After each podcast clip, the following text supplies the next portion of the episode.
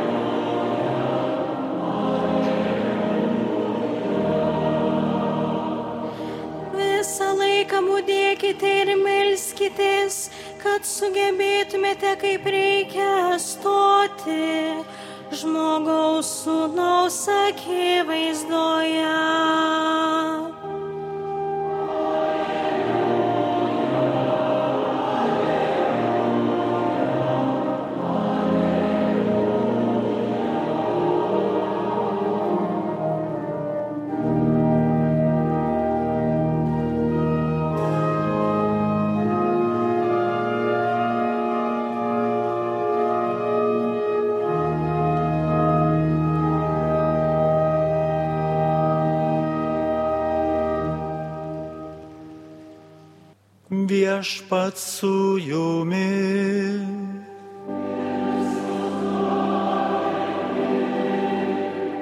Iš Šventojios Evangelijos pagal matą.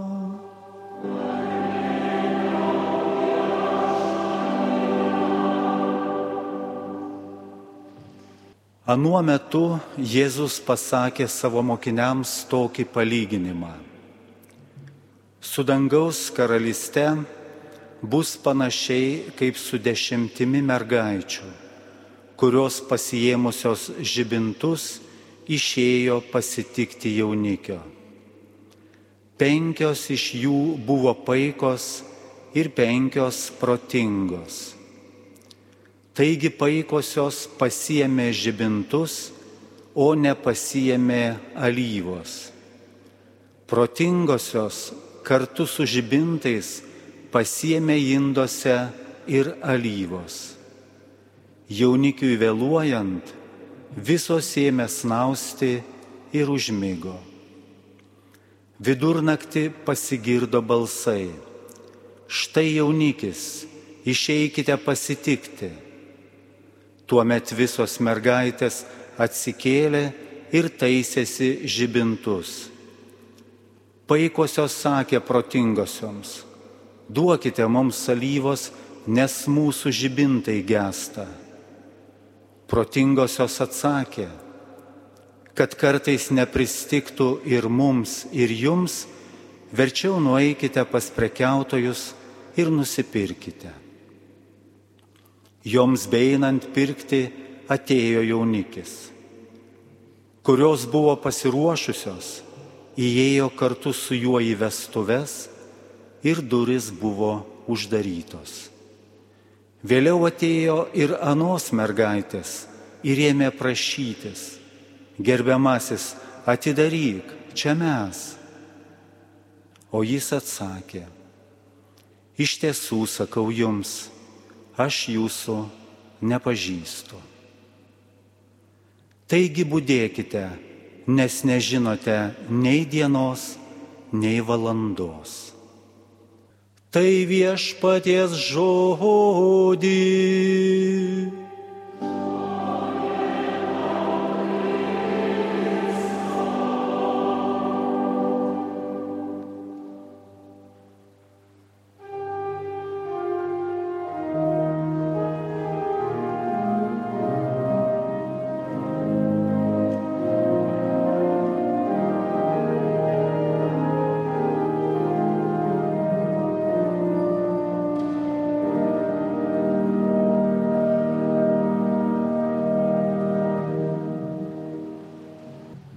Brangus broliai ir seserys, šiandienos liturgija mums dovanoja tekstą, kuri galima pavadinti viena iš mėgstamiausių Jėzaus pamokslavimo temų - būtent dangaus karalystė. Aišku, kad jis kalba apie tai palyginimais, kadangi perteikti tai yra ko ne misija neįmanoma, kaip apaštalas Paulius sako, ko akis nematė, kausis negirdėjo, kas žmogui galva netėjo, tą Dievas paruošė savo mylimiems žmonėms. Taigi, jeigu reiktų pap, nuaiškinti žmogui, kuris nėra gėręs kavos, koks yra kavos skonis, turėtume turbūt įjungti irgi vaizduotę taip, kad tektų šnekėti palyginimais. Taigi šiandien pasakojimas apie dešimtį mergaičių ir alyvą. Tai apie mus. Pirmiausia, vestuvės tai dangaus karalystės įvaizdis. Jėzus ima palyginimą iš realaus gyvenimo.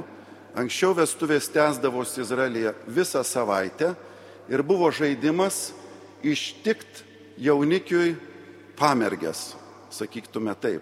Niekas nežinojo, ar diena ar naktys ateis ir tas žaidimas buvo toks, kad turėjo šios pamergės būti pasiruošusios reiškia atlaikiusios egzaminą.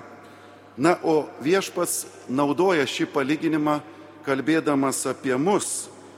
Taigi mes esame tos mergaitės, kurie dabar gyvename šiame gyvenime, pasaulyje. Yra tarsi du tipai žmonių, kurie kreipia dėmesį į žmogaus gyvenimo tikslą ir tie, kurie sako, ai tiek to, pamastysim kitą kartą. Tie, kurie turi, sakytume, tokios e, užsidėgymo ir energijos siekti darybės, lavintis meilėje, pagaliau eiti tą gyvenimo universitetą, kad, na, sakytume, ruoštis tai tikroviai susitikimui su kurėju. Tradiciškai alyva bažnyčioje yra aiškinama, kad tai yra vis dėlto darybės. Darybės tvirtas nusistatymas daryti gerą. Kol tau pasidaro gerą, daryt gerą.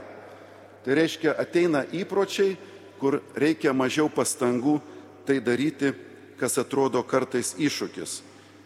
Taip pat teologija, mokslas pabandė suklasifikuoti darybės ir septynios buvo atrinktos kaip tokios esminės kardinalios - išmintingumas, darybė, kuri galina praktinį protą visomis aplinkybėmis skirti, kas gera ir kas bloga, teisingumas, nešališkas elgesys su visais, tvirtumas, kuris įgalina pakelti blogio siautėjimą ir spręsti problemas su ramiu ir šaltu protu, įveikti tai viltimi, na ir susivaldymas arba saikingumas, nieko ne per daug, laikyti visus dalykus pusiausviroj.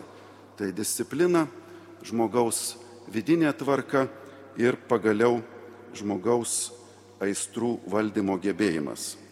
Na ir aišku, tos didžiosios trys darybės - tikėjimas, viltis ir meilė, kurios tarp kitko pasirodo šiandien turi iššūkį, nes ypač tarp jaunų žmonių tikėjimo na, samprata mašta ir atrodo, kad vyresniai kartai netaip lengvai na, sekasi perduoti tikėjimo e, dorybės e, įkvėpimą. Arba perteikti argumentą, kodėl tikėjimas yra taip pat ir racionalus dalykas, o tada aišku mašta viltis ir trūksta motivacijos mylėti.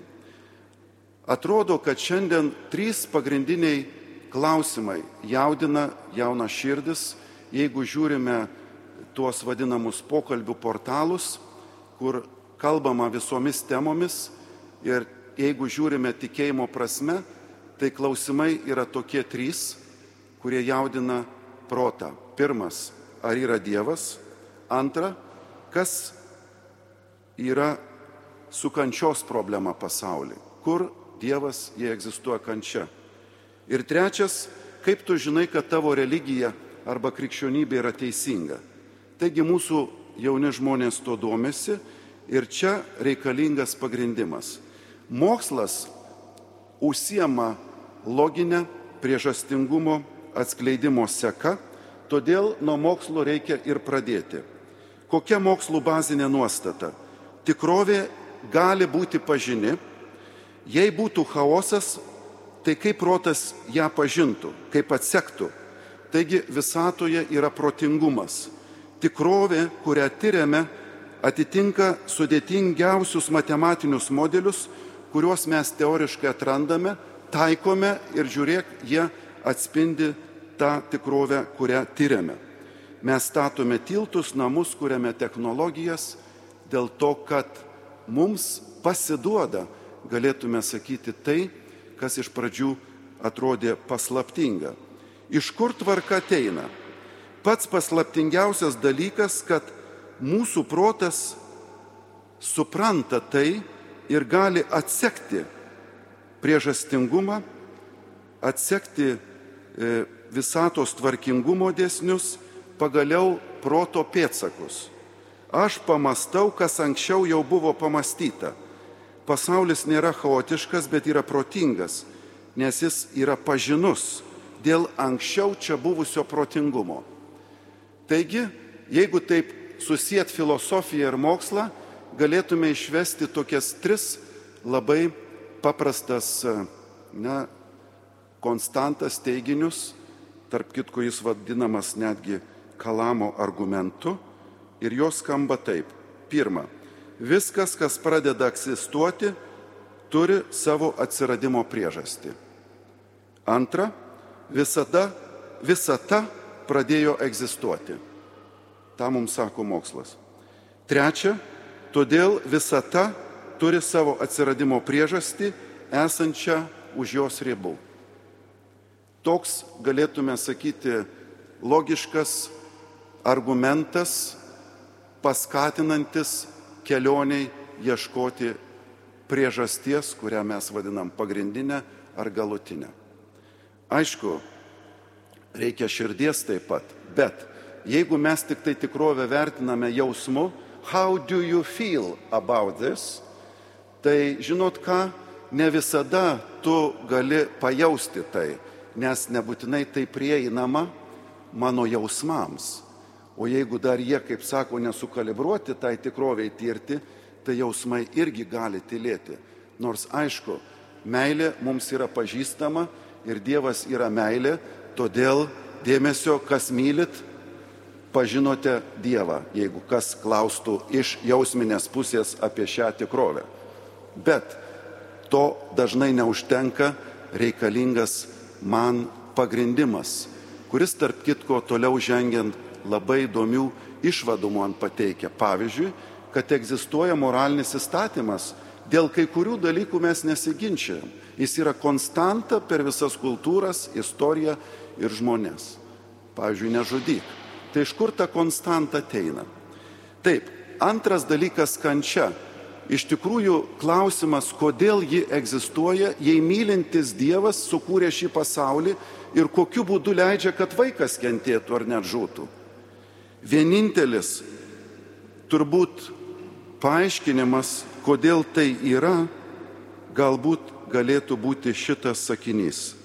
Dievas leidžia blogio egzistuoti, kad iš to gimtų daugiau gėrio nepakankamas sakinys, neatsako į visus mūsų klausimus, bet atrodo arčiausiai prieina prie to, kodėl iš viso tai yra.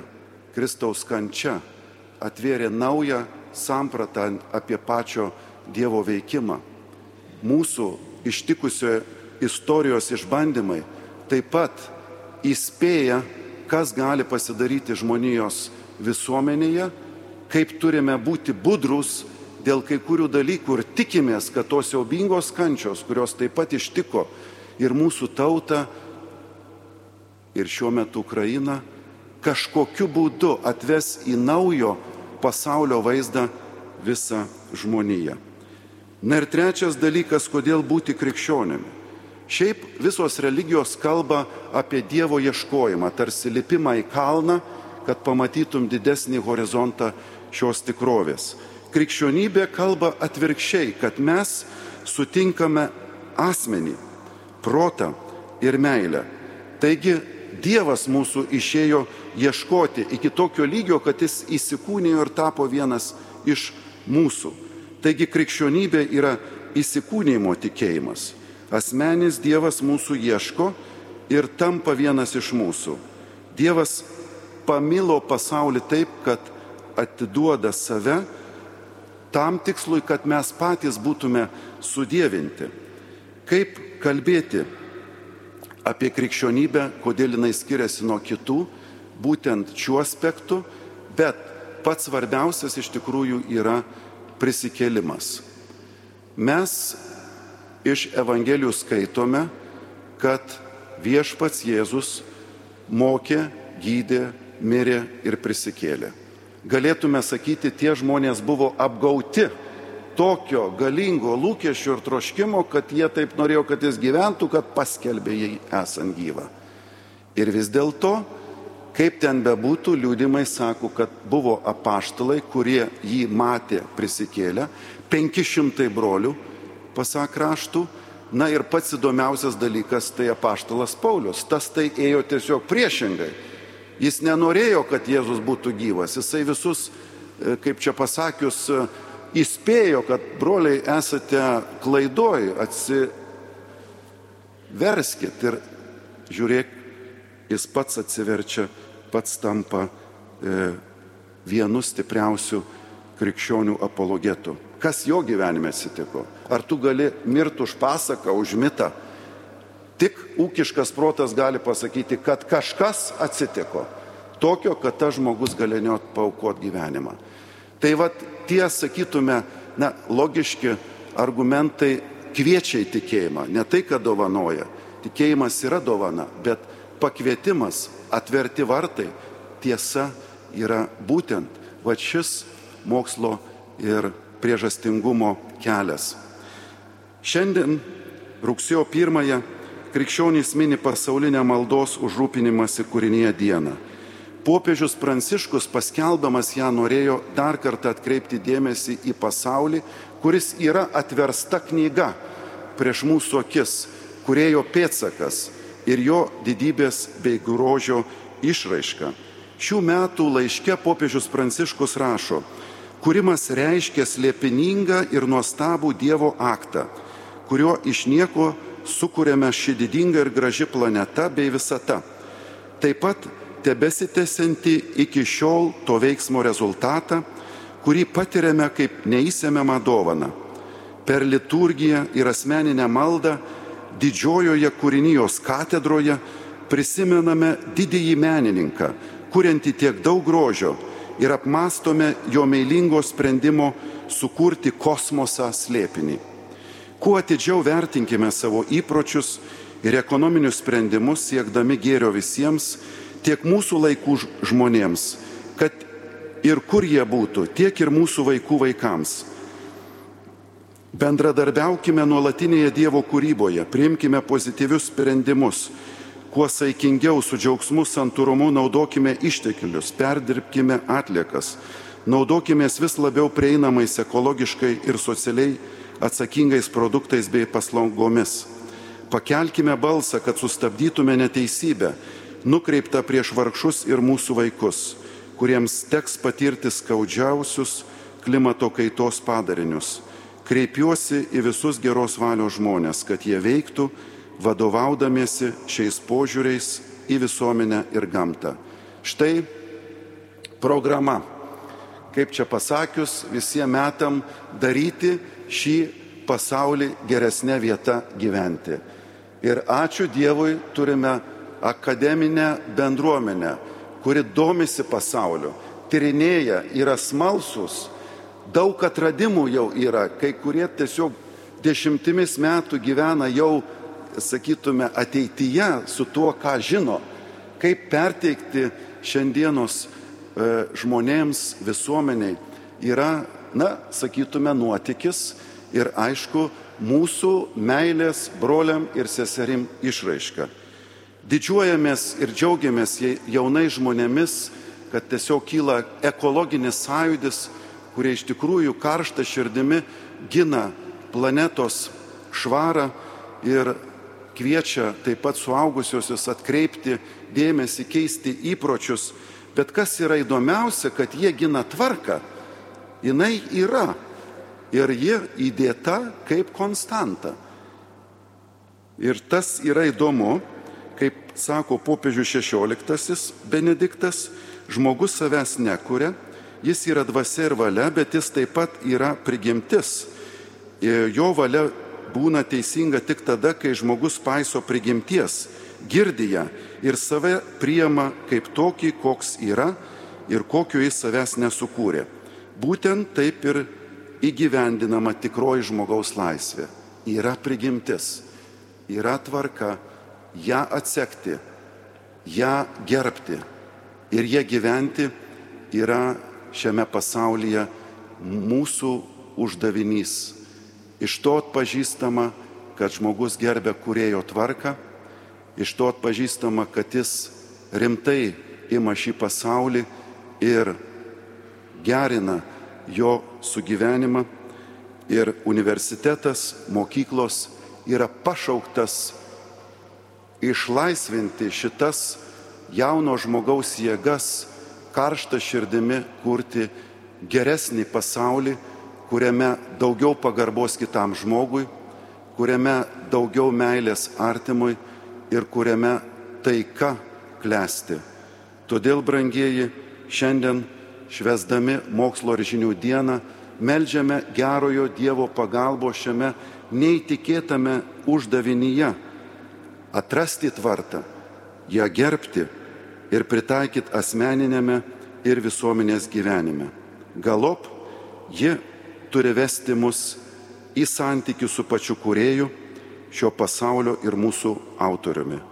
Šio gyvenimo uždavinys užmėgsti asmeninį santyki su šia protinga ir mus mylinčia būtimi, kurią mes vadiname Dievu. Tai nuotykis, į kurį esame pakviesti leistis. Universitetas turi mus palydėti į šį susitikimą, nes mokslas, studijos ir pažinimas yra galiausiai meilės Dievui ir artimui būdas. Amen.